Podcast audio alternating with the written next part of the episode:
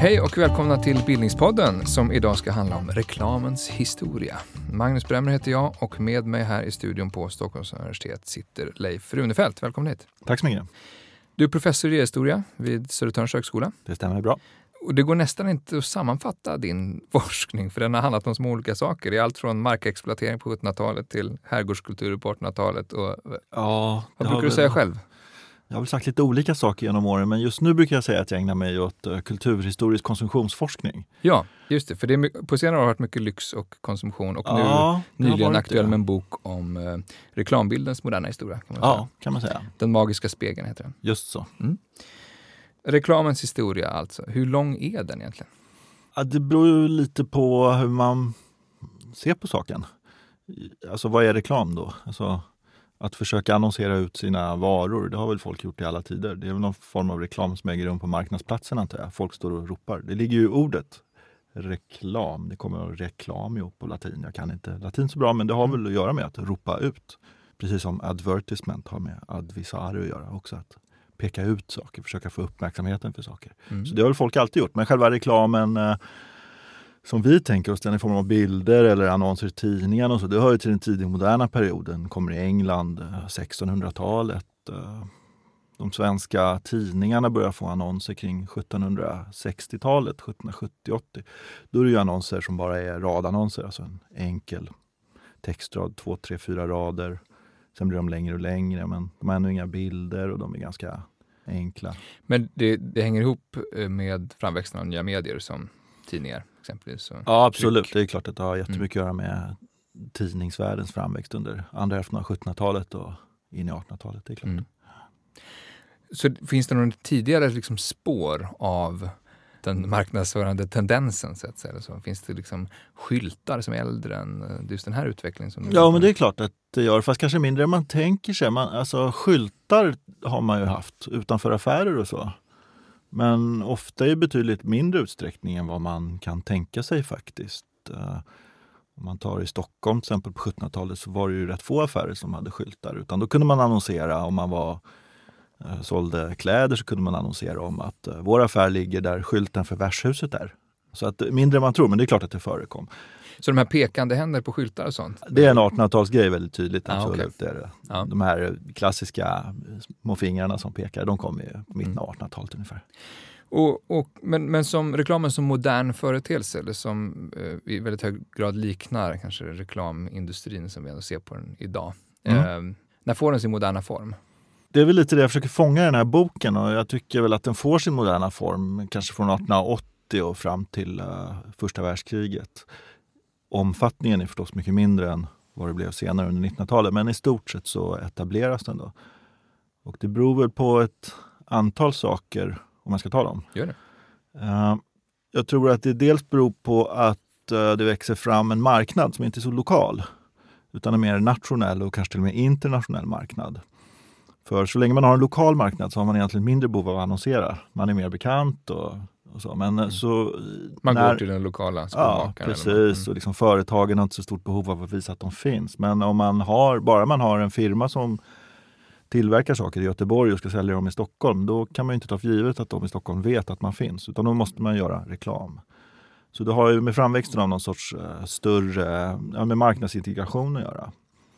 Sen har det väl att göra med Eh, massproduktion förstås, alltså att man eh, det är svårt tror jag, att göra reklam för extremt dyra produkter. Det är inte så attraktivt för det är så liten kundgrupp, utan det är väl egentligen först när man har ett stort utbud av billiga varor som det är värdefullt att göra reklam. För man kan nå ut till så pass många med annonserna.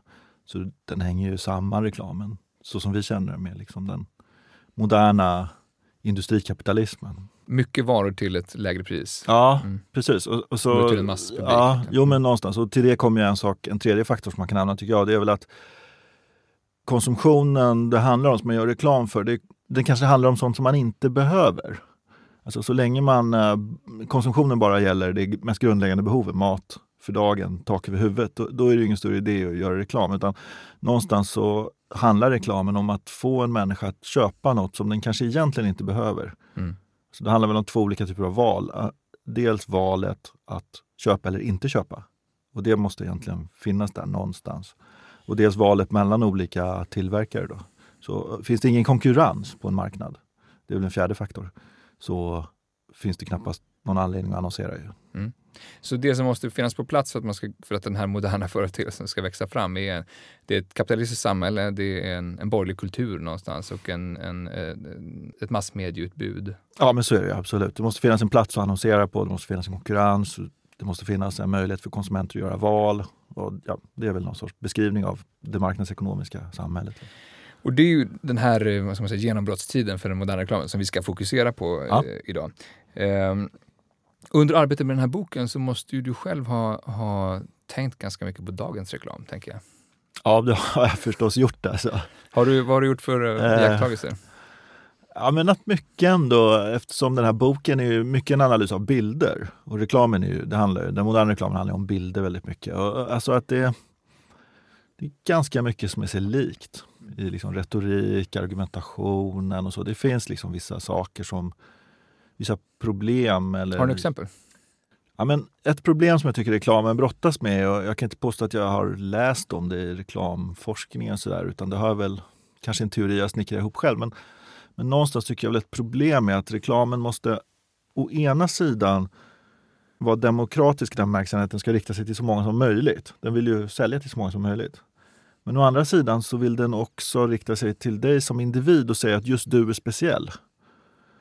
Alltså det är ingen idé att marknadsföra en produkt med att säga att den här varan är så billig så att den kan precis alla köpa. Det är inget särskilt med dig. Du ska också ha den bara för att du är precis som alla andra. Utan det gäller att lyckas säga att den här produkten ska, den kan alla köpa. Men vi riktar oss framförallt till dig och du får någonting speciellt när du köper den här. Mm. Och det gäller väl idag och det gäller väldigt tydligt tycker jag då. Finns det andra retoriska tricks? Som, känner du igen copy från 1870-talet? I dagens, äh, sexismen är ju liksom, mm. det är ju ett klassiskt säljknep. Liksom att, eh, och det ligger nästan inbyggt i reklamen, verkar det som, eh, att den blir sexistisk överhuvudtaget vackra människor säljer väl bättre. Man vill inte ha sjuka människor i annonserna om man inte säljer hälsomedel. Så man kan kontrastera dem med en stark och frisk. Och man vill inte ha gamla människor, man vill inte ha fattiga människor. Så det är en viss typ. Alltså någonstans så reklamen riktar sig väl alltid till någon sorts, vad ska man säga, den grupp som har köpkraft. Förklara vad du menar. Ja, men liksom, den är oerhört medelklassig reklamen jag tror att det är ganska lätt att blanda ihop den som avbildas i reklamen och målgruppen för reklamen. Utan det handlar väl om att konstruera någon form av ideal konsument och den ideala konsumenten är alltid den som har köpkraft i samhället. Så man avbildar liksom ett väldigt tydligt medelklassliv, övre medelklassliv. Det gjorde man då och det gör man idag. Men det betyder inte att målgruppen är den övre medelklassen utan målgruppen kan vara mycket större. De andra ska ju lära sig så säga, hur de ska se ut, hur det rätta ideala livet ser ut. Mm. Och det är ju genomgående tycker jag. Det finns mycket spännande reklamforskning i Sverige nu som framförallt tittar på 1900-talet och framåt. Men mm. väldigt lite, i min bild, av äldre historia. Absolut. Alltså före sekelskiftet 1900. Så är det ju. Varför är det så? Uh, För där är du ett, ett, ett av undantagen. Ja, men det är ett undantag. Och det var ju faktiskt så själva verket att jag skrev ju en bok om 1700-talets konsumtion. Eh, debatter om konsumtion. Och så jag är ju en äldre historiker egentligen och så blev jag intresserad av de långa linjerna. Jag tänkte att jag ska läsa in mig lite, jag vill gå framåt. Så jag kände att eh, då vill jag veta något om reklamen och liksom kapitalismens uttrycksformer och sådär. Och då hittade jag ingenting från den tid då liksom industrikapitalismen uppstår. Så det var nästan så att jag var tvungen att skriva den bok som jag ville läsa. Det störde mig lite och det är faktiskt så. Jag kan inte säga varför. Jag läste en artikel för uh, några veckor sedan om uh, av en eh, ekonomhistoriker i Uppsala som heter Sofia Murhem. Och hon har undersökt annonserna i eh, Post och Inrikes Tidningar och Dagligt Allehanda i Stockholm på 1780-90-talet. Det är ju helt uh, unikt än så länge. Och uh, hon hänvisar till en undersökning som har gjorts globalt och, som vis, och den är skriven 2017, den där artikeln. att om det var 70 eller 80 procent av all forskning som har bedrivits om marknadsföring historiskt rör tiden efter 1918. Så även globalt så finns det ganska lite faktiskt. Jag kan inte säga vad det beror på. Jag kan väl tänka mig att Alltså generellt sett så har väl historiker kanske inte intresserat sig för reklam. Jag tror att ekonomhistorikerna har haft fokus på liksom produktion och distribution och så. Historikerna har ju varit ganska intresserade av staten och välfärdsstaten och kanske lite mer, de kanske uppfattar reklamen som lite ytlig. Mm. Och idéhistoria, där jag är verksam nu, där har man också kanske sett den här typen av vardagsmedier som ganska ytliga. Det har ju förändrats under senare år med kulturhistorien och så, men ändå så har det... Så att jag tycker att det, det kanske kan förklara, samtidigt som ekonomerna som, och de som kan väldigt mycket om marknadsföring, de är ju så sällan så historiskt intresserade att de går längre bak. Liksom. Vad är det du tycker att man har missat då, när du själv har tittat på ett lite äldre reklamhistoriskt material? Jag tycker att man har behandlat reklamen kanske lite för ytligt och inte gett den den liksom agent som den har. Det Vanligt. där är ett typiskt akademiskt ord som du så gärna får ja, okay. ja, men då menar jag att reklamen agerar, att den gör saker med oss. För jag tycker att det finns ett väldigt vanligt påstående som både forskare gör och eh, liksom väldigt väl spritt bland eh, lekmän så att säga. Och det är att reklamen är en spegel av sin tid. Och Det är ofta så att folk de tittar, bläddrar i någon gammal veckotidning och tycker annonserna är så roliga och där får man någon sorts tidskänsla, man får ett intryck av hur tiden är. Så det kanske ligger någonting i det påståendet men samtidigt är det, det är helt fel. För att reklamen är ingen spegel av sin tid. Reklamen är en kraft i sin tid som aktivt försöker omskapa samhället och förändra oss människor och göra oss till en viss typ av konsument. Den skildrar inte en tidsanda utan är medskaparen? Nej, den är medskapare Agerar. och den är en väldigt viktig medskapare. Så det som är lite synd med att man inte har forskat så mycket kring, kring reklamen det är ju att det är ju ändå det så oerhört effektivt medium. Det är ju kapitalismens eget språkrör någonstans. Och det fungerar ju som ett självspelande piano. Det behövs inga kapitalistiska filosofer för att föra ut budskapet utan företagen och industrierna för ut det här själva. Och de gör det liksom 24-7. Vi liksom matas med reklamintrycken. Och de försöker påverka oss. De försöker inte berätta för oss hur samhället ser ut. De försöker forma ett samhälle som passar dem. Och eh, den här otroligt starka närvaron av reklam i vårt samhälle, den är ju ganska gammal egentligen. Så den är ju från andra hälften av 1800-talet. Jag har ju tittat på pressens reklamannonserna. Men det fanns ju samtidigt också mycket affischer på stan och stora målningar, väggmålningar och skyltfönsterna kom ju efter sekelskiftet mer eller mindre och så vidare. Så att reklamen är liksom, och det är ju självklart för oss, reklamen är runt omkring oss hela tiden. Och jag menar bara i den här studion där jag sitter nu så ser jag ju flera varumärken som vill Mikrofoner och annat. Ja, mm. Som vill att vi ska göra olika val på olika sätt och mm. fastna i det i våra huvuden. Och eh, så har det varit under väldigt lång tid. Det är, det är någonting som kännetecknar det moderna samhället. Mm. Vad har överraskat dig allra mest då under din forskning? Mm, det är väl lite olika saker. Dels så överraskar det mig att det är en ganska stor spännvidd bland annonsörer. Det finns liksom väldigt lokala firmor som gör reklam för en egen tillverkad produkt som de gör i källaren mer eller mindre. Olika hårpomador som någon gubbe sitter och gör i sin källare. Och dels så finns det ju stora företag som vid den här tiden redan är liksom globala transnationella företag vid den här tiden som symaskinstillverkaren Singer eller Sunlight-tvålen som gjordes av eh, Lever Brothers som nu är Unilever. De var ju flera företag som eh, idag är världsledande var ju aktiva på den svenska marknaden redan då. Det tycker jag är ganska spännande. Någonting annat eh, som fascinerar mig, som jag redan varit inne på, det är ju sexismen. faktiskt att man avbildar kvinnokroppar på ett väldigt exponerande sätt medan manskroppar visas på ett helt annat sätt och att det etableras väldigt tidigt, i stort sett samtidigt som reklamen får bilder. På så sätt kan man säga att så fort reklamen fick bilder, eh, sen dess har den varit sexistisk. Så det är ju någonting vi har brottats med. Och som vi ska fördjupa oss i, eh, båda de här sakerna i, i samtalet. Eh, bara för att direkt få en bild av hur liksom, uttrycksformerna för reklamen såg mm. ut sent 1800-tal. Ett av dina exempel eh, är reklam för kaffe. Ja, just det. Eh, kan vi inte börja där och, och, och, och, bara försöka se på vilka olika sätt som, som eh, hur kaffets reklamutbud ser ut? Absolut. Och eh, det är en intressant historia därför att de kaffe jag skriver om och tar som ett exempel, det är inte vilka kaffe som helst utan det är ju kaffe, så kallade kaffetillsättningar. Mm. För det finns flera olika kontexter här. Alltså, I början, eller i slutet på 1800-talet så Kaffedrickandet är ju förstås helt spritt i det här samhället. Det har varit väldigt länge. Det är en väldigt viktig del av eh, den borgerliga livsstilen. Att kunna fika, som vi säger idag, dricka sitt kaffe, ha sina små kaffestunder och sådär. Vi kan hänvisa till vårt eh, avsnitt om kaffets historia om man vill fördjupa Ja, sig ja. det. det är också Mm. en tid av medikalisering, hälsa, diskussioner och så vidare. Så det finns en diskussion om att kaffet är hälsofarligt. Och då uppstår någon sorts marknadsnisch för hälsosamma kaffen, så kallade kaffetillsättningar. Och det är ju helt enkelt kaffe som är uppblandat. Då. Det är helt enkelt försämrat med olika ämnen som är påstått hälsosamma. Det är malt eller rostade korn och det är väl allt möjligt man kan ha i. Liksom. Är det så att man späder ut det egentligen och, och marknadsför det som någonting annat? Det kan ju vara en del som bara spär ut, en del som har i olika ämnen som de tror på. Och eh, mot slutet av eh, 1800-talet så uppstår en eh, industri för det här som är Eftersom den är ny, den försöker etablera sig, den spelar på samtida föreställningar så har den en ganska, kanske inte aggressiv, men väldigt aktiv marknadsföring.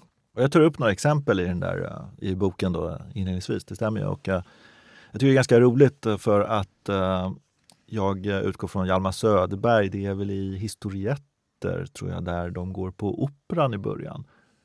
Och det var en sak som fick mig att tänka till. Jag läste den boken av en slump ganska tidigt i projektet. Det framgår där att det finns annonser på ridån på Operan. Ja, det är en jättestor eh, annons för Intubi-kaffe på ridån. Som var en sån här kaffetillsättning. Intubi-kaffe är ett det är två riktigt stora företag, eller tre stora företag, så är det en del lite mindre spelare. Liksom. Men det här är ett av de stora företagen. Då. Men det är en sån här tillsättning? Ja, precis. Mm. Intubi-kaffe är en kaffetillsättning. Och, och då står det då att orkestern började spela medan Intubi-kaffet gick upp. Mm. Ja, det, just för oss, eh, jag tror många av oss, i alla fall lite yngre, tänker oss att eh, just Operans ridå är liksom en reklamfri zon. Men eh, så var det absolut inte. Och det är ju ganska spännande för den reklamen finns ju inte kvar. Den har inte, tidningarna kan vi gå tillbaka till men den här reklamen, den reklam som var i stadsrummet är ju ofta borta. Men, eh, och det här var 1895 och sen var ju Stockholmsutställningen 1897 och då kan man ju se där hur aktiva de var. Det finns ju flera såna kända kaffehus eller kafeterior då på Stockholmsutställningen, bland annat det Moriska kaffehuset som ansågs ju vara väldigt fint. Och, men det är ju inte kaffe i Alltså det är ju en kaffetillsättning. Det är ju då Intubi-kaffets främsta konkurrent som driver det där och säljer då det här tillsatta kaffet. Men fanns det fler? Det, det där säger någonting om ehm, mängden av ytor att, eh, Mm. att marknadsföra sina varor på. De delade Fan. också ut koppar. 250 000 koppar delade de ut på Stockholmsutställningen. 250 000 Mm. koppar på Mm. 1897 på Man- Djurgården. Mm. Jag har sett någon sån här dyka upp på någon auktion. Det var giveaways, liksom Ja, gratis. giveaways. precis. Som det stod eh, Ja, det var kaffe. Moriska kaffehuset och så företagsnamnet. Merch på Ja, eller hur? 1890-talet. det fanns. Okej. Fler eh, eh, exempel på... På eh, ytor, reklamytor. säga. Ja, men sen var ju de här Intubi-kaffe och så, de hade ju naturligtvis på eh, i stadsrummet satt upp affischer och väggmålningar. Det var ju väldigt vanligt. Man kan ju ta Stomatol. Också eh, där kan man tala om en aggressiv marknadsförare. Det är väl Det är känner ju- tandkrämen. Tandkrämen. De flesta av oss känner ju till den här eh, ljusskylten som finns på Slussen och som Stomatol satte upp då eh, 1909 på Katarinahissen, den dåvarande Katarinahissen. Men det var ju bara ett led i deras marknadsföring. De hade ju då marknadsföring i pressen jättemycket och de hade en stor väggmålning på Regeringsgatan. De hade liksom en offensiv eh, affischering och så vidare. Så det, det fanns många olika ytor för de här företagen att visa upp sig på. Men det är klart att pressen hade ju en särställning. Men det är i hög grad som du säger en bildkultur. Det är en bildkultur, ja. Och, och med, med eh, lite giveaways och sånt Ja, jo, ja, och att det är en bildkultur det är viktigt i det här sammanhanget. För det är en bildkultur eh, alltså, som möjliggörs av tekniska framsteg vid den här tiden. Det är massor olika faktorer som spelar in. Flera har jag redan nämnt då, det här med liksom, att det måste föreligga en viss marknad där man kan göra val. Det måste föreligga en nationell marknad och så vidare. Men man måste ju också ha de tekniska förutsättningarna för att göra det här. Och Ja, den massproducerade bilden Ja, 1800-talsföreteelse. precis, och kostnaderna sjunker under senare delen av seklet ganska kraftigt. Kan man tala om reklambyråer vid den här tiden? Eller vilka är det som arbetar med reklam? Mm, det är faktiskt lite oklart för mig. Jag studerar liksom själva bildmaterialet som så. Vad säger bilden till oss? Men, men eh, det, det är klart att, att eh, jag vet en del. reklambyrå, det ordet fanns ju. Men det kännetecknar någonting annat. Det är alltså de säga, avdelningar på tidningar eller särskilda företag som förmedlade annonsplatser där företag kunde sätta in sina annonser. De gjorde inte reklam. Utan reklamen gjordes ju av företagen själva. Det fanns liksom inga, inga copywriters och byråer och sådär. Undantaget ska väl vara de här riktigt stora multinationella företagen som verkade. Singer till exempel, som hade bilder som de lanserade över hela, ja, globalt i stort sett. Då hade man illustratörer? Då, de hade ju liksom avdelningar för det i USA. Mm. Men annars så var det ju företagen själva som avsatte någon person som fick uh, göra det här. Mm. Mycket av din bok handlar ju om uh, det här med hur reklam är just apropå att medskapa en slags mm. livsstil. Det är också mm. en, hänger ihop med bilden. Mm. Vilken livsstil försöker Intubi-kaffet förmedla? Den försöker förmedla en bild av hälsa. Man ska tänka på sin hälsa. Och att det är inte en slump kanske att man är sjuk eller mår dåligt, utan det är ett eget val någonstans. Eller ett eget icke-val. Mm. Man kan välja att vara vacker. Man kan välja att vara frisk. Man kan välja att ha vackra kläder. Man kan också låta bli. Det betyder att reklamen också handlar väldigt mycket om modernitet. Att vara modern, att vara alltså både modern utseendemässigt, ha rätt grejer, använda en tandkräm och inte gå runt och lukta illa i munnen. Och, men också modernitet, alltså att man är en människa som lever i sin tid och inte är en, en relik från förr så att säga. Och man ska vara en aktiv och kunnig person när man rör sig på stan och veta vad man, vart man ska gå, vad man ser.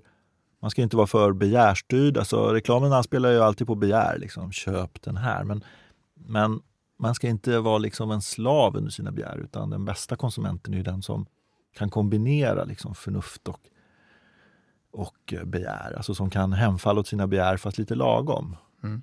Och uh, det här är en eh, flera, alltså det handlar om många olika marknader förstås, för kläder och för smink och för uh, det ena och det andra. Men många av dem är väldigt konkurrensutsatta. Det här är en väldigt intensiv fas av industrialiseringen. Ju. Så för konsumenten så tror jag, i alla fall de som lever i Stockholm och Göteborg och de lite större städerna, så, så kan det verkligen bli en känsla av val. Liksom, där man kanske har man kan dels välja mellan olika, vad man ska lägga sina pengar på. Ska jag köpa en, eh, en cykel eller en grammofon? Det är två ganska dyra varor som man gjorde reklam för. Men om man då bestämmer sig för att ah, jag ska nog köpa en cykel ändå, då kanske man har tio olika cykelmärken att köpa bland och de är ju snarlika. Så det reklamen försöker göra är att övertyga dig om att köpa en produkt som är likvärdig med en rad andra produkter. Det finns ingen anledning egentligen för dig att välja en framför mm. en annan. Utan det är deras uppgift att övertyga dig. Redan Hjalmar Söderberg skriver ju om hur det dricks i en tub kaffe i pausen. Ja, precis. precis. Där, mm. Har du fler exempel på liksom reaktioner på den här allt mer intensiva marknadsföringen i det offentliga rummet? Eller så? Mm. Jag tycker ett väldigt eh, bra exempel tycker jag är Elin Wägners uh, Norrtullsligan. För uh, i början på 1900-talet så demokratiseras ju modet lite. Modet blir liksom billigare och det finns ganska många kontorister som behöver stiliga men liksom slitkraftiga och hållfasta kläder. Och, tidigt, eh, tidigt kvinnoyrke. Ja, precis. precis. Och, och eh, för modeföretagen är intresserade av att liksom nå både de som köper exklusiva kläder och de som köper lite billigare saker. Och då finns det ju ett företag som, eh, ett engelskt företag som heter Viella som ju finns kvar än idag. Viella är ett tyg som är, det är en blandning som är extra slitkraftig så man kan få det att se ganska elegant ut men den håller bättre än de riktigt, riktiga eleganta kläderna plus att det är billigare. Så att det lanseras liksom som kontoristernas kläder lite grann. Och i den här boken Norrtullsligan, då, den handlar ju om en grupp kvinnor som bor tillsammans på Norrtullsgatan. Då. De är, jag tror de är smålänningar eller något. Då. De är kontorister. De har flyttat upp till Stockholm för att vara kontorister. Och huvudpersonen som jag tror heter Elisabeth, hon beskriver då sin första upplevelse av att, liksom gå, av att bli kontorist och då skriver hon det att hon kände sig som den sista tvångsrekryten i en armé av gällablusar. Då kan man se liksom hur de här varumärkena vid den här tiden börjar liksom fungera lite som varumärken ju ändå gör idag och har gjort under stora delar av 1900-talet. Vad man däremot inte ser så mycket, det är ju liksom reaktioner på annonserna. Det har inte jag studerat, jag vet inte heller hur man skulle göra det. Alltså, jag kan ju ha två annonser framför mig och jag vet ju inte om de är framgångsrika eller inte. Är det här en bra annons eller inte? Jag vet, var det så att folk bara sprang till affären när de såg den här annonsen eller bara var en dålig annons som kanske inte sålde någonting? Det vet ju inte jag, hur folk egentligen reagerar på de enskilda annonserna. Det är svårt att, att avlyssna snacket på stan som historiker också. Ja, ja, men precis. Men ett, ett ganska roligt exempel, så det förvånar mig lite, det var att jag hittade att eh, bordtennis lanserades ju under de här åren, kring sekelskiftet 1900 och de kunde inte göra de här bra bollarna som studsade så mycket och så där. Så jag vet inte hur det gick till riktigt. Men, men då var det två olika firmor som lanserade bordtennis och den ena lanserade under namnet pingpong och den andra under namnet Wiff Waff. Och där vet vi ju faktiskt hur det gick. Mm. Ja. Så det tycker jag var... Ja. Det är väl ett klassiskt exempel på hur um, just varumärken kan bli eh, epitet för en företeelse. Absolut. Det är ju ganska ovanligt vid den här tiden, men, men Viella är väl ett sånt. Och kanske då också pingpong. Mm. Ja. I hur hög grad är reklamen vid den här tiden en liksom storstadsföreteelse? Uh, I ganska hög grad skulle jag säga.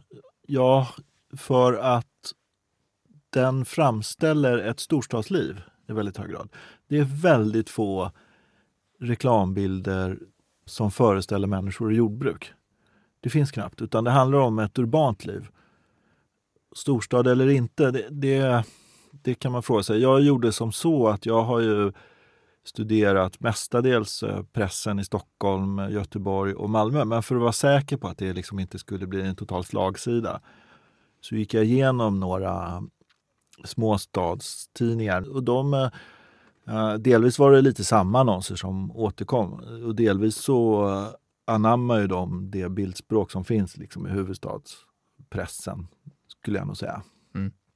Men det är för att det också hänger ihop med eh, medelklassen, borgerligheten? Ja, som, visst. Du har med den här medelklassbilden som den reklamen målar upp. Den är ju storstadsbunden vid den här tiden. Mm. Den huvudsakliga målgruppen som du studerar i boken är kvinnan som konsument. Ja. Och du drar en rätt intressant linje som följer uh, utvecklingen för kvinnors utrymme i samhället. Mm. egentligen. Mm. När blir kvinnorna på allvar uh, den egentligen huvudsakliga målgruppen för reklam till borgerligheten? Mm. Det äger ju rum en utveckling under 1800-talet som liksom en del forskare säger att, att kvinnan blir mer och mer liksom instängd i hemmet ju. Men att hon genom konsumtionen så släpptes ut bakvägen är det någon som har skrivit. Alltså att man fick den här väldigt tydliga uppdelningen mellan privat och offentligt. Kvinnan skulle vara hemma, sköta hushållet, få det att bli prydligt och själv vara liksom en prydnad för hemmet. Medan mannen var ute och jobbade och skötte det livet, det offentliga livet, möten med andra och så vidare.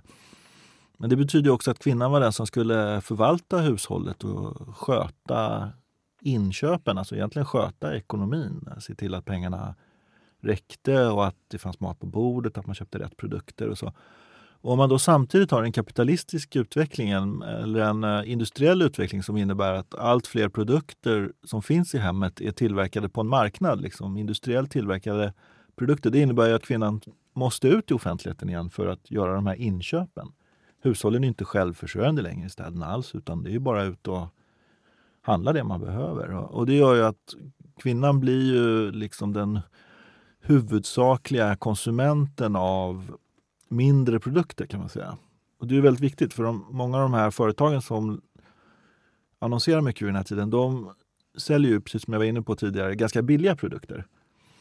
Det är klart det finns de som säljer cyklar och det finns också de som säljer liksom tryckpressar och jordbruksmaskiner och allt möjligt. Men de flesta företag säljer liksom tvål eller kläder, herrkläder, damkläder, barnkläder. Och möbler och sånt som behövs för det dagliga bruket som kanske inte är så jättedyra. Mycket textilier förstås. Och, så. och det är ju kvinnans uppgift att köpa. Så därför blir konsumtionen vid den här tiden väldigt kvinnodominerande eller man får en bild av konsumtionen som väldigt mm. dominerad av kvinnor. Hur, hur, hur märks det i, i utseendet på annonser till exempel? Marknadsföringsstrategier? Ja, det märks ju på lite olika sätt. Dels så märks det ju att det går ju liksom kanske fem eller tio kvinnor för varje avbildad man. Det är ju en väldigt stark dominans av kvinnor som avbildas. Jag har ju studerat bilderna och liksom egentligen inte tänkt på målgruppen utan utgått från själva bilden. Vad visas på bilden? Ofta sammanfaller det förstås att det är ju kvinnor som är målgruppen också. Och då kan man ju se att det är väldigt mycket kvinnor som arbetar, utför arbete både i hemmet och utanför hemmet. I hemmet utför de arbete både som tjänstefolk och som vad ska man säga, matmor. Sen finns det jättemycket mode förstås och skönhetsprodukter av olika slag. Och, och, och eh, man, men även produkter som kanske hade framförallt en manlig köpkrets. Cyklar är ett bra exempel. De flesta som köpte cyklar var ändå män. Men eh, de kanske att i alla fall över hälften av cyklisterna som avbildades i annonserna var nog däremot kvinnor. Som sen blir ett tidigt färdmedel för, alltså det är kontoristgenerationen på sätt och vis. Eh, ah, cykeln och byxan jo, är ja, precis. Men samtidigt, ihop, där är jag, jag vet inte, jag ska inte säga, egentligen inte prata om saker jag inte kan något om, men jag kan tänka mig utifrån vad jag, nu gör jag det då istället. men okej, okay, men att man lite har gått på reklamens bild. Att det är kvinnor som cyklar. Jag tror inte de avbildar kvinnor som cyklar därför att kvinnor nödvändigtvis ska köpa cyklar. Utan därför att det är trevligt med kvinnor som cyklar på bild. Men kan det inte också haft den effekten apropå jo, att självklart. agensen hos Självklart är det så, men ibland får man en bild av att det tidiga 1900-talet bestod liksom av, och 1890-talet också bestod av en massa kvinnor som cyklade runt. Men det är, mm det kan man ju säga är ganska marginell företeelse. Faktiskt. Men det finns väl ändå i, i, i det du skildrar här en rörelse från eh, kvinnan som ansvarig för hemmet och mm. eh, ansvarig för att vara passiv och så säga, behaga sina mm. män mm. eh, till att få en mer aktiv roll eh, och ja. marknadsföra som en annan typ av, en ny mm. kvinnoroll in i, in i 1900-talet. Om vi tar den linjen från början eh, så talar du någonting om, om eh, behagsplikten. Eh, som, som, någonting som är synligt i den, den eh, reklamen på, på sent ja, 1800-tal. Visst är det så. Kan du säga något mer om det? Behagsplikten, det är ett ord som jag gillar och som jag kanske har hittat på själv en gång. Men jag tror att många förstår vad det innebär. Det är ordet liksom som kanske inte är så vackert egentligen. Men det är alltså när det uppstår ett offentligt borgerligt liv, och det här är egentligen på 1700-talet, då uppstår, då börjar den här uppdelningen då mellan män och kvinnor. Män är aktiva ute i offentligheten, kvinnor sköter det privata, är ganska passiva, underordnade. Men en offentlighet utan kvinnor är egentligen någonting väldigt tråkigt. Utan kvinnorna måste ha en roll i offentligheten, måste vara en ganska specifik roll. Och vad är då deras roll? Ja, deras roll är ju att vara behaglig gentemot männen, underlätta för männen, vara trevliga mot männen, konversera männen men inte verka vara mer bildade än männen. Nu redogör du, redogör du för 1700-talets uppfattning. Nu redogör jag för behagplikten så som Rousseau formulerar och så vidare. Och den är ju jätteviktig för 1800-talet och för den här idén om den borgerliga kvinnan som ska vara liksom en prydnad för sitt hem. Hon ska behaga sin man. Hon ska också kunna behaga i sällskapslivet. Och hon har liksom, I sällskapslivet så ska hon kunna vara ganska trevlig och, och, så men hon får inte ta en aktiv roll på samma sätt som mannen förväntas göra.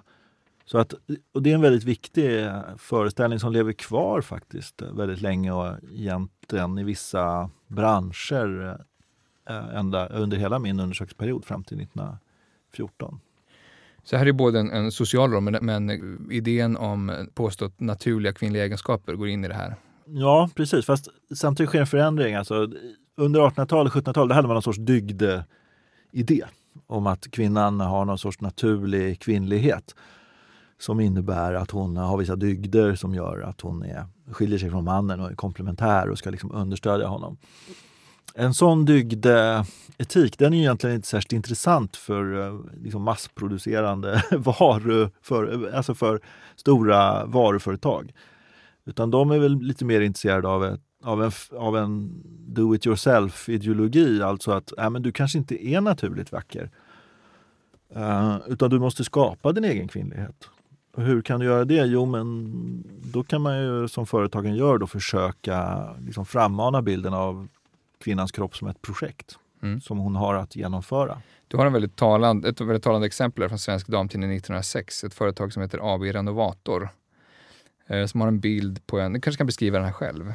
Ja, det, det kan jag göra. Det är en bild på en kvinna som uh, håller sin hand lite lättjefullt bakom nacken och har ett väldigt långt hår. Och det långa vågiga håret är väl lite av en erotisk symbol vid den här tiden. Och så står det då en text här om kvinnans skönhet. Den utgör kvinnans styrka. Det är varje kvinnas plikt mot sig själv och andra att göra sig så vacker som hon kan och att i det längsta söka bibehålla sin ungdomsfägring. Men hur uppnås detta mål? Och den här frågan, det är ju den reklamen kan besvara. För då säger ju AB Renovator. Vi har svaret. Vi har svaret. Du köper en bok av oss för två kronor och i den så finns det en lång produktlista då, över alla varor som man kan ha för att uppnå den här, det här målet och uppfylla sin plikt. Nu kan man ju säga att de som köpte just den där boken, de blev inte vackrare eftersom AB Renovator är ett bluffföretag ja. som eh, drevs av Nesslo Olsen. En liten skurk. Som blev avslöjad slut? Ja, han blev fängslad sen för uh, bedrägeri inom apoteksbranschen. Ja. Mm, okay. Men, men eh, de symboliska, ideologiska mm. nivåerna i mm. var den här annonsen, ja, i den här annonsen jo, men det är, liksom, är ändå representativa. Precis, du ska vara vacker. Men det är ju ingen konst. Det är ju billigt. Vi har produkter. Alltså förut du skulle ha vit och vacker hy, det var ju bara aristokraterna som kunde det på 1700 och 1800-talet. Men nu, köp en tvål, kostar 50 öre per paket för två stycken. Alltså det, det är en framgångsideologi som formuleras här. Mm.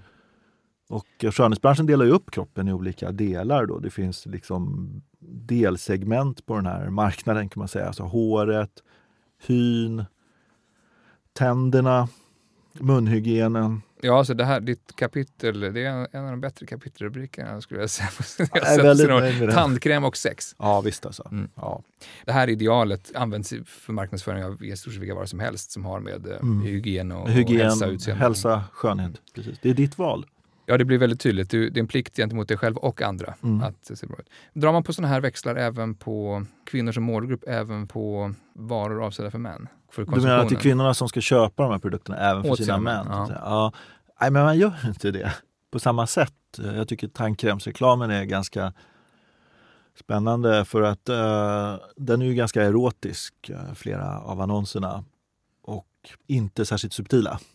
Och då riktar de sig ju oftast till kvinnor. Men sen finns det en annan typ av tandkrämsreklam som väl mer riktar sig till män och då är det ju då Stomatol visar bilder på ångfartyg och ånglok. Och de har ju en annons där uh, tandkrämstuben är en jättestor kanon. Sådär. Mm. Så att det, det, det, är inte, man får en känsla av att det är, det är viktigt att borsta tänderna men det är inte lika viktigt för män. Men en av de vanligaste annonserna, skriver du, är, är för produkter mot manligt håravfall. Ja men så är det ju. Så är det ju. För att äh, män tappar ju håret när de har som störst köpkraft. så att äh, hår... Äh, vad gäller skönhetsbranschen så under hela 1800-talet så dominerades den ju av äh, hårprodukter för män. Mm. Bäverolja, makasserolja, olika grejer. Man skulle pomader, olika sätt. Man skulle ha allt. Jag menar det fungerar ju inte på det sättet. Men det visste man kanske inte då. Men, men... säg, säg lite om manliga fåfängan också. Men om man, om man ser den här linjen att eh, kvinnans roll i samhället eh, förändras ganska snabbt under ja. den tiden, får man säga. Följer reklamen med? Reklamen går i bräschen. Mm. Den gör faktiskt det. Den uh, driver ju flera frågor skulle man kunna säga.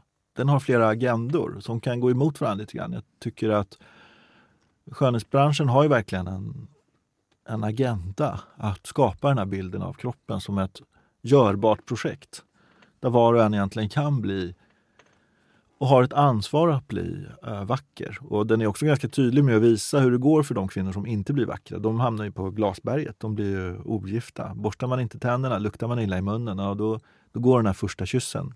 Den går åt skogen och då blir man ogift.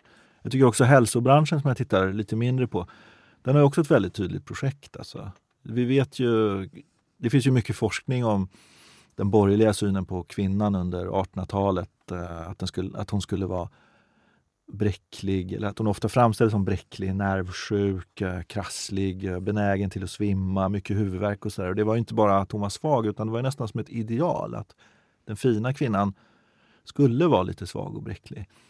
Men det där är ett ideal som inte intresserar reklamen alls.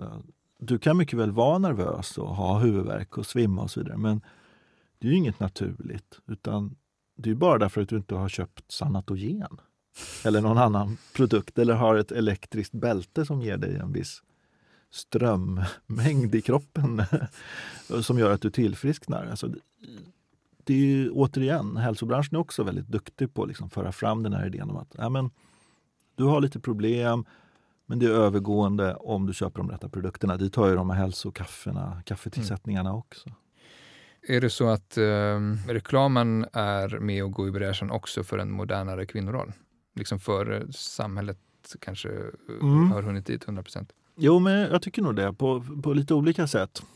Ska jag ta det som handlar om arbete? Mm. Där för det tycker jag är, är väldigt intressant. Eh, och jag, jag har det som första studie i boken därför att jag tycker det visar så bra att reklamen inte är en spegel av sin tid. För att om vi tänker oss den klassiska bilden av det borgerliga hushållet, det är ju en tjänstefolksekonomi. Alltså idealet var ju att man hade en familj och i den familjen fanns också en jungfru, eller flera, som utförde en stor del av arbetet. Ja, det är ett ideal förstås, alla hade inte råd, men det var liksom ändå målet för många och många hade fått lära sig att så här skulle det vara. Men är man en, en uh, industriproducent som tillverkar billiga varor för masskonsumtion, då är det här ett, ett ganska negativt uh, ideal. Därför att i en tjänstefolksekonomi, då lägger herrskapen, de som är arbetsgivare, då, säger, de lägger sina pengar uh, på arbetsmarknaden. De köper arbete. Mm. Men de här stora företagen som växer fram, de vill att konsumenterna ska köpa varor. Så de argumenterar i sin reklam väldigt tydligt för att man ska angripa eh, tjänstefolksekonomin och förändra samhället i grund och egentligen avskaffa tjänstefolken. Och det är de först att göra egentligen, brett. Det är klart det alltid funnits människor som har sagt det ena och det andra, men liksom en bred kampanj så att säga, mot tjänstefolksekonomin, den förs fram av reklamen och det börjar på 1890-talet och blir ganska starkt under, ja, efter sekelskiftet. Och det innebär ju någonstans att man för fram en ny modern syn på ekonomin och man för fram en ny bild av hushållet.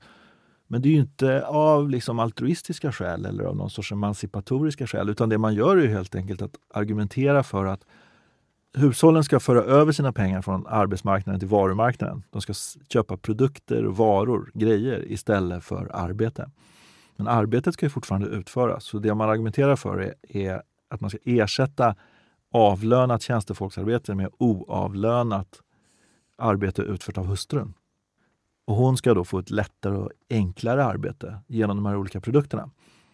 Men det man argumenterar för egentligen, de här företagen i början på 1900-talet, det är ju det som sen blir en sån klassisk bild av hemmafruidealet, alltså att eh, kvinnan går hemma och utför sitt arbete. Det slår igenom långt, långt senare. Men här argumenterar man för det ganska tydligt. Mm. Och, och, den yrkesarbetande kvinnan? När blir hon en, en ja, men det är också liksom, naturligtvis är det så. Reklamen, eller de här företagen, de strävar förstås efter att ha så många konsumenter som möjligt. Och Ja, då, precis som de har varit eh, senare, så är ju företagen ganska liksom, uppmärksamma på nya kundgrupper. Och eh, de upptäcker ju kring sekelskiftet 1900 att det i storstäderna finns en grupp eh, kvinnor som, lever, som inte lever i äktenskap och som eh, inte har mycket pengar. De tjänar inte särskilt bra, men de är ganska många. Va? Och eftersom man säljer rätt billiga produkter så blir ju de ett viktigt segment. Och det gör att jag tycker också att reklamen är en tidig arena eller tidigt medium där man liksom normaliserar den uh, yrkesarbetande kvinnan. Alltså tjänstefolk var ju yrkesarbetande, men de som jobbar utanför hemmet ja. på arbetsmarknaden, kontorister och så vidare. Man säljer ju inga grejer till dem. Men det man gör med sitt bildspråk är att man normaliserar ett förhållande i samhället, att det finns massa kvinnor som utför arbete utanför hemmen. Och det gör de också tidiga med, för jag, många av de annonser jag använder, de har jag hämtat ur uh, den här ganska kvinnosaksvänliga pressen. Idun och Dagny och mm. såna här tidningar. Och också tidningar som riktar sig till kvinnor som Svensk Damtidning och så vidare. De är progressiva i sitt Ja, som på något sätt ska vara progressiva, men mm. de, de, är mycket mer, de är mycket mindre progressiva mm. än reklamen. De talar alltid om de kontoristerna som de. Det är vi och det är de som jobbar i kontor. Nu ska vi här prata om de där kontoristerna eller de där lärarna, hur synd det är om dem eller vilka problem de har. Medan reklamen säger att jo men vi talar till er som att ni är en grupp som inte är dem, utan vi talar till er. Mm. Du talar om på cykeln, att det, att, att det kan vara lätt att kanske missförstå kvinnan som en dekoration i en annons mm. eller vad som är eh, progressivt, eh, utmanar könsstereotyper vid tiden. Och så. Måste det vara det ena eller andra? Eller liksom, är, det så, är det så reklamen fungerar? Det, Nej, det, det, det är det, som är så klurigt, att den är så både och. Alltså. Den kan få en icke avsedd effekt mm. genom ja, sina starka bilder? Ja, icke avsedd. Den kan vilja flera saker. Eller liksom den kan uh, stödja olika typer av ideal. Den kan vara väldigt modern samtidigt som den är reaktionär. Jag undersöker ju, jag, har ett kapitel där jag studerar underkläder. Det är ju ett, eh, alltså mest korsetter och så. Och där kan man ju se hur reklamen verkligen sexualiserar kvinnan och gör henne till ett objekt för en manlig blick. Och Det finns ju mycket teoribildning om det här med den manliga blicken. Att Många människor i samhället får liksom inte titta som de vill utan de tvingas in i någon sorts heterosexuell manlig blick. Och Det här är verkligen ett exempel på det. För det är ju, korsettannonserna riktar sig inte till män, de riktar sig till kvinnor. Men det är bilder på kvinnor i väldigt sexuellt utmanande poser som är starkt narcissistiska. Det finns ett kraftigt voyeuristiskt inslag. Liksom, att vi tittar på en kvinna som tittar på sig själv och beundrar sig själv. Och det är förstås sexistiskt. Men det är också ett bejakande av kvinnlig sexualitet som inte ens var möjligt i 1800-talets samhälle. Alltså att man visar bilder på kvinnor som ändå har en sexualitet och får uttrycka den och så vidare. Så att det är dubbelt, mm. tycker jag. Ett av dina huvudargument är ju det här med att reklamen är, är med och producerar ideologier, och ideal, uppfattningar och så. Samtidigt handlar det om bildframställningar. Hur, hur, hur säker kan man vara på att uh, framställningen av de här idealen verkligen uh, är representativa för de uppfattningar som, som fanns vid den tiden du studerar? Mm. Det har jag försökt att jobba med förstås ganska mycket för att reklamen är ett ganska speciellt material. Och min utgångspunkt var att jag måste gå igenom jättemycket reklam mm. innan man kan säga något, innan man kan liksom hitta teman och innan man kan se vilka som var innovatörer eller vilka som var galna och så vidare. Så att jag har det gjort, måste vara en rätt krävande process. Det är en väldigt krävande process. Du inte tala om det nu. Men... Nej, men det har ju tagit... Hur många annonser? Ja, jag har väl uh, samlat... Alltså det var väl drygt 10 000 annonser som jag satt och jag, uh, gick igenom eller liksom med, med, bilder på kvinnor då. Och sen gjorde jag en databas på, eller en samling ska jag väl säga, på drygt 4 000 bilder som den här boken bygger på. Alltså enskilda 4000 olika bilder. Ja, just det, för visa upp. Ja, för det är det som är grejen med annonser. En annons kanske går en gång i 20 tidningar. Mm. En annan annons kanske går 100 gånger i en tidning. Hur ska man göra? En annons kanske går i 15 år, en annan går i en vecka. Det är ganska klurigt källmaterial. Det är väldigt lite text. Och jag har verkligen inte använt ordet eh, illustration om bilderna. Utan jag säger att det är bildsatta annonser. För att i annonserna är det texten som illustrerar bilden. Det är bilden som talar till dig och sen finns det en illustration i form av en text. Så det har varit väldigt viktigt. Så jag har liksom försökt samla på mig så otroligt många bilder som möjligt så att jag kände mig trygg att kunna säga någonting om korsetterna eller om äh, cyklarna. Mm. Den här boken hade ju inte gått att skriva för tio år sedan eller kanske ens för fem år sedan eftersom den bygger på digitaliseringen av dagspressen. Sen har jag gått igenom veckopressen, den är inte digitaliserad men den är mycket mer lätthanterlig. Där kan man sitta på Kungliga biblioteket eller Nordiska museet och bläddra. Men eh, dagspressen är så enorm så att eh, det hade inte gått att göra det här så länge de fanns på mikrofilm eller man skulle sitta och bläddra i tidningarna. Så att det är väl någon form av, eh, det är ingen big data men det är digitaliseringen av materialet är en förutsättning för den här studien. Mm. Men har du något jämförande material? korsetten är ett bra exempel på ja. ett, ett eh, skönhetsideal eh, mm, som är mm. väldigt könskodat. Um, ja, hur, jag, hur den uppfattas. Jag har försökt att leta jämförande material. I arbetet så läste jag ju då till exempel, eh, gick jag igenom vad framförallt pressen gentemot kvinnor skriver om tjänstefolk och tjänstefolksekonomin och då kunde jag se en viss, viktig skillnad. Vad gäller mode då, som är ett kapitel som vi inte har pratat om här, och underkläderna då, så jämförde jag ju med modetidningarna vid den här tiden och gick igenom även det bildmaterialet och ställde det mot reklamen då och kunde se hur de som gjorde reklam för underkläderna avvik från, de avvek från modetidningarna väldigt tydligt medan de som sålde liksom vanliga kläder eh, la sig så nära modetidningarna som möjligt. Så vad, säger det där då? Ja, det säger att de hade lite olika syften. Att för de som sålde mode var det väldigt viktigt att, att de blev så att säga igenkända i någon sorts modesfär. Att de, eh, där handlar det om att inte vara originell. Att framstå som modetidningarna. Att man accepteras så att säga, bland modetänkande människor genom att anamma ett specifikt språk. Och det språket var etablerat i modetidningarna.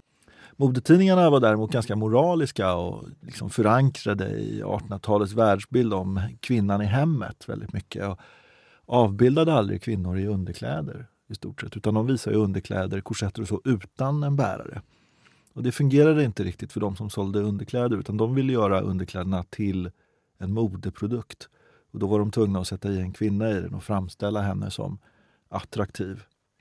Så att eh, de hade väldigt olika strategier, även om det kunde handla om samma företag. NK till exempel, Nordiska kompaniet sålde ju både mode och eh, korsettmode. Och då hade de två olika strategier. Mm. Men om, om, säg något mer om hur, hur du tänker att liksom, ideologin hänger ihop med eh, eh, ideologins visuella uttryck så att säga. Det finns vissa uppfattningar, det finns vissa mm. idéer. Och sen har vi eh, det här är väl det specifika uttrycket av annonser mm. och, och eh, bildreklam, eller reklambild. Ja, men jag, jag har liksom tänkt ganska, på, jag tycker på ett ganska enkelt sätt att, att uh, ideologi handlar ju om samhällsordning. Någonstans. Hur ska samhället vara ordnat? Vilka relationer har vi i ett visst samhälle? Det var också det som fick mig att vilja studera kvinnan i annonserna därför att jag tänker mig att könsmaktsordningen är kanske den viktigaste relationen i ett samhälle. Och kvinnan är liksom den underordnade parten. Så det är mer intressant att under, undersöka den underordnade parten än den överordnade. Och då tänker jag mig att varje ideologi som ska vara effektiv har ju ett behov att kontinuerligt liksom föra ut sitt budskap. Så här ska samhället vara ordnat. Och för att förenkla väldigt mycket, äldre ideologier, de hade ju sina filosofer och tänkare för det. Liksom, att, eh, det kan ju vara naturrättstänkare på 1600-talet eller socialister på 1800-talet och, och, och, så vidare. Men reklamen i kapitalismen är speciell på det sättet att den behöver ju inte några filosofer för den har ju reklamen. Reklamen är ett sätt att föra ut bilder av samhällsordning. Och uh, utifrån mitt idéhistoriska perspektiv, där jag ju studerar text och försöker analysera text, text i vid bemärkelse, bild också förstås, eh, så måste jag ändå utgå från att texter är inflytelserika och att det inte bara Hegel och Pufendorf och Thomas Hobbes och de här stora tänkarna som har haft inflytande på tillvaron utan att även vardaglig text har stort inflytande på vårt liv. Och därför tycker jag det är synd att man inte har studerat reklamen mer därför att utifrån mina utgångspunkter och antaganden om hur text fungerar, liksom handlingsorienterad text, så måste den liksom ha haft något, inf ha något inflytande. Alltså, många av dina exempel är ganska hem, hemska att titta på i efterhand. Ja, eh, men, men har du någon gång kring någon annons tänkt att det här är, inte, det här är rätt smart, det skulle man vilja se mer av idag? Alltså, reklamen har ju det problemet att den, ganska, alltså, den är ju så oerhört förankrad i sin tid. Och, så att, eh, jag kan väl egentligen inte säga att, eh, att, den var som, att det fanns så mycket smartare reklam på den tiden. Utan den är väl, det man slås av är att den är ganska lik på sätt och vis. Och det är inte heller så tycker jag att reklamen har blivit mer vågad och, och naken eller sådär eh, jämfört med då. Utan eh, tvärtom var ju reklamen oreglerad på den tiden så att en del annonser kan ju Ja, ja på den tiden så en var del det, annonser skulle inte gå att trycka idag helt mm. enkelt. Så mm. det. Om man liksom översätter eller uppdaterar Ja, det finns en annons som jag inte har med i boken för den kom inte riktigt in men som är för en uh, galoschfabrik i Skåne och där är, i bakgrunden ser man en fabrik och framför den så står det en uh, naken kvinna och håller en galosch. Liksom. Det, det tror jag okay. inte skulle funka idag. Men man, man ser inte jättemycket kanoner och tandkrämstuber kanske idag. I och för sig ser man väl rakhyvlar och stridsflygplan. Det där ser man ju jättemycket av, precis. Alltså, verkligen, alltså, det är mycket Man måste bara uppdatera. Och, ja, men precis. Äh, Så jag tycker nog att, äh, att äh, Stomatol var tidigare där med, okay. med det. Ja. Tusen tack Leif Runefelt för att du var med i Bildningspodden. Tack, det är jag som ska tacka. Det var jättetrevligt. Och tack ni som har lyssnat. Vi är snart tillbaka med nya avsnitt. Tack och hej. Du har lyssnat på Bildningspodden, en del av bildningsmagasinet Anekdot. Podden spelas in på Språkstudion och ljudproducent är Kristin Eriksdotter Nordgren. Fler poddar, filmer och essäer hittar du på anekdot.se.